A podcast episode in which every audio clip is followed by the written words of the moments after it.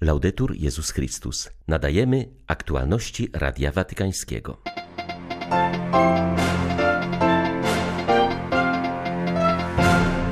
Szacunek należy się cierpiącym, a nie ambicjom możnych, którzy chcą zachować twarz, mówi przebywający w Rzymie arcybiskup Światosław Szewczuk.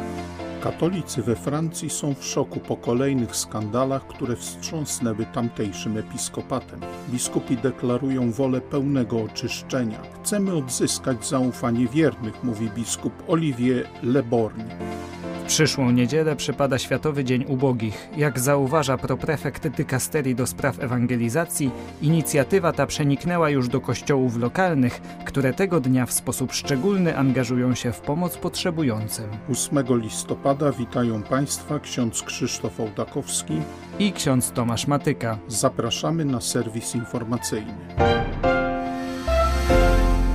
W związku z katastrofą samolotu, do jakiej doszło wczoraj w Bukoba w Tanzanii, papież Franciszek przesłał telegram kondolencyjny, wyrażając duchową bliskość z wszystkimi dotkniętymi tą tragedią, zwłaszcza z rodzinami ofiar. Watykański sekretarz stanu kardynał Pietro Parolin zapewnił, że Ojciec Święty modli się szczególnie o wieczny odpoczynek dla zmarłych oraz o powrót do zdrowia dla rannych. Samolot pasażerski linii Precision Air rozbił się w tanzańskiej części jeziora Victorii.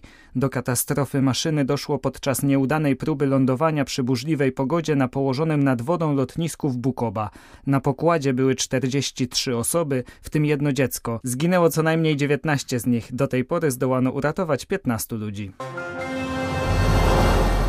Ostatniej doby Rosjanie ostrzelali kolejne miejscowości na Ukrainie. Agresor stara się nie tylko zniszczyć infrastrukturę wielkich miast, ale również zgasić wolę walki wśród obywateli napadniętego kraju. Ale widzimy, jak ukraiński naród nie traci energii potrzebnej do bronienia własnej ojczyzny, ponieważ kiedy czynimy dobro, ono nas nie męczy, odnawia nasze siły, ale kiedy czynimy zło, to ono nas wykrwawia i niszczy, powiedział arcybiskup Szewczuk. Zwierzchnik miejscowych grekokatolików wskazał w dzisiejszym orędziu, jak przesunięte zdają się być często akcenty w ludzkich społeczeństwach.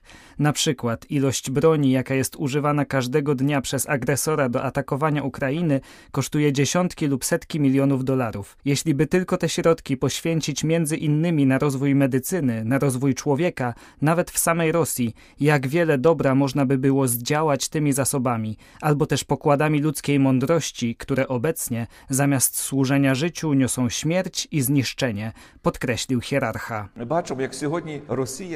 Widzimy, jak Rosja dzisiaj, zamiast uzdrawiania własnych grzechów, wad i ran swego narodu, skrzywdzonego przez dziesięciolecia terroru komunistycznego, próbuje rozwiązać wewnętrzne problemy przy pomocy zewnętrznej agresji. Ale również o innych wspólnotach i krajach można powiedzieć, że posiadają właściwe sobie rany. Współczesny człowiek jest jakoś zraniony, gdziekolwiek by nie żył.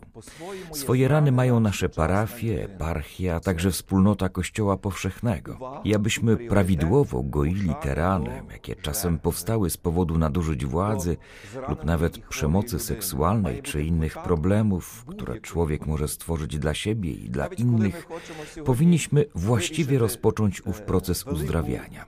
Dlatego wszelki program, taktyka czy polityka leczenia ran musi zaczynać się od okazywania szacunku zranionej osobie.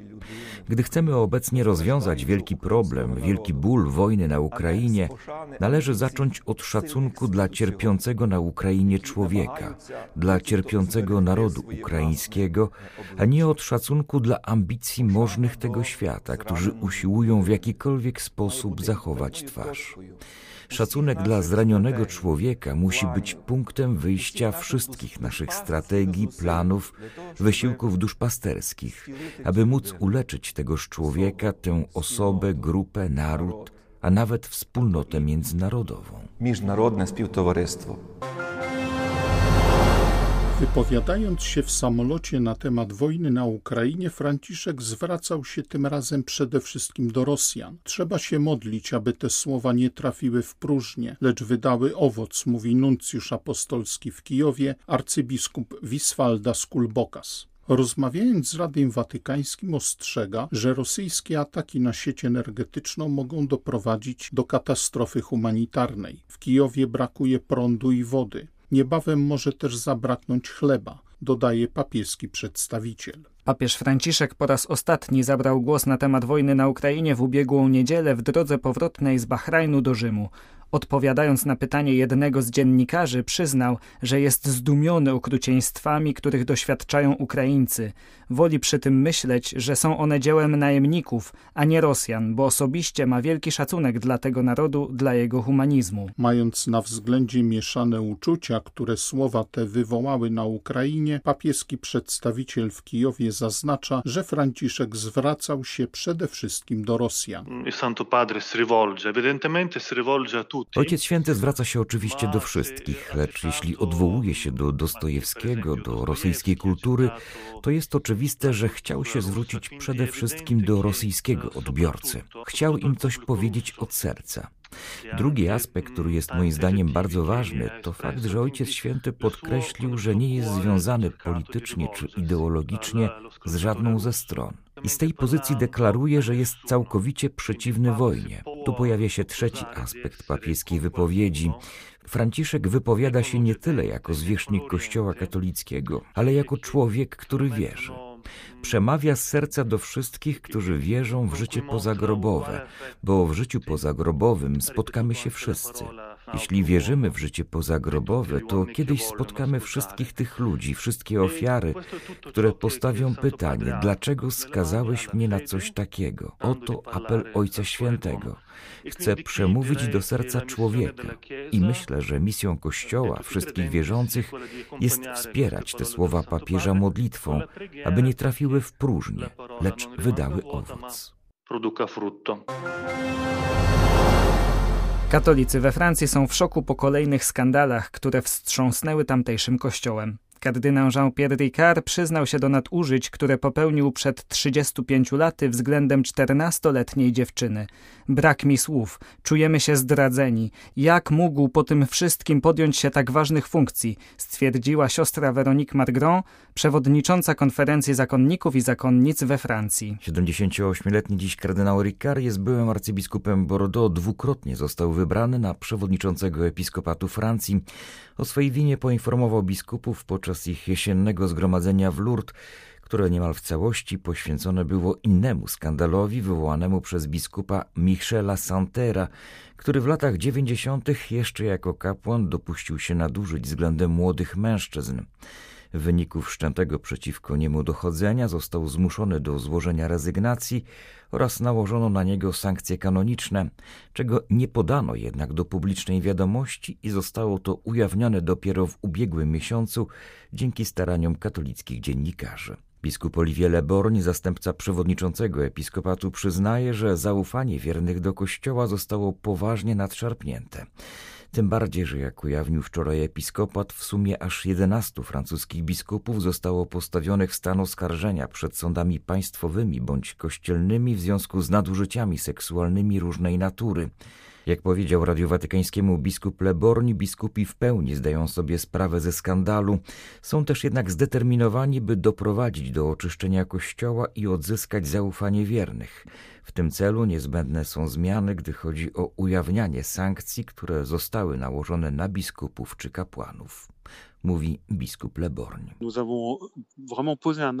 Coraz bardziej zdajemy sobie sprawę z dojrzałości ludu Bożego, który nie godzi się na przemilczanie, które wprowadza w błąd.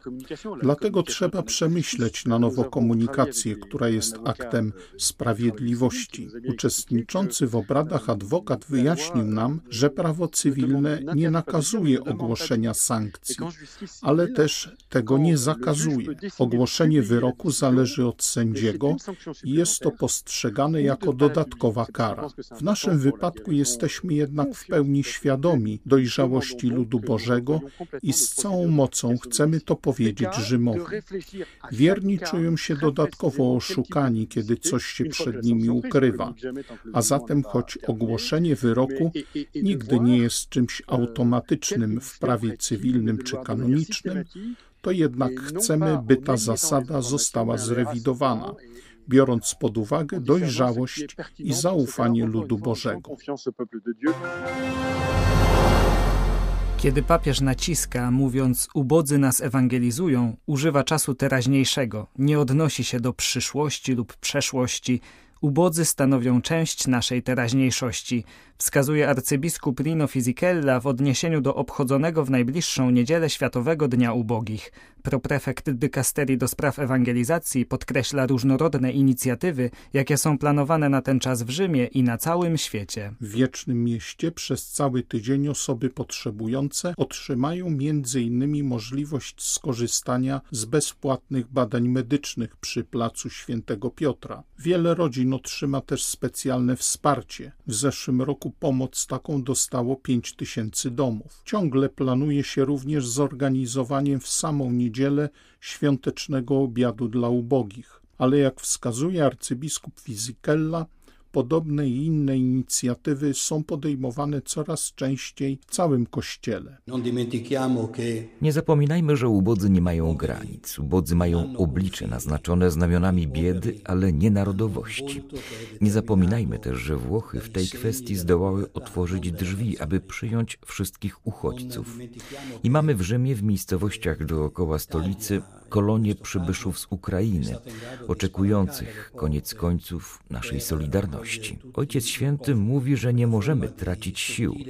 Bardzo często można zauważyć zmęczenie, czasem także z powodu pewnego subtelnego egoizmu, które dotyczy każdego z nas, kiedy widzimy, iż przeżywamy konsekwencje wojny również na własnej skórze.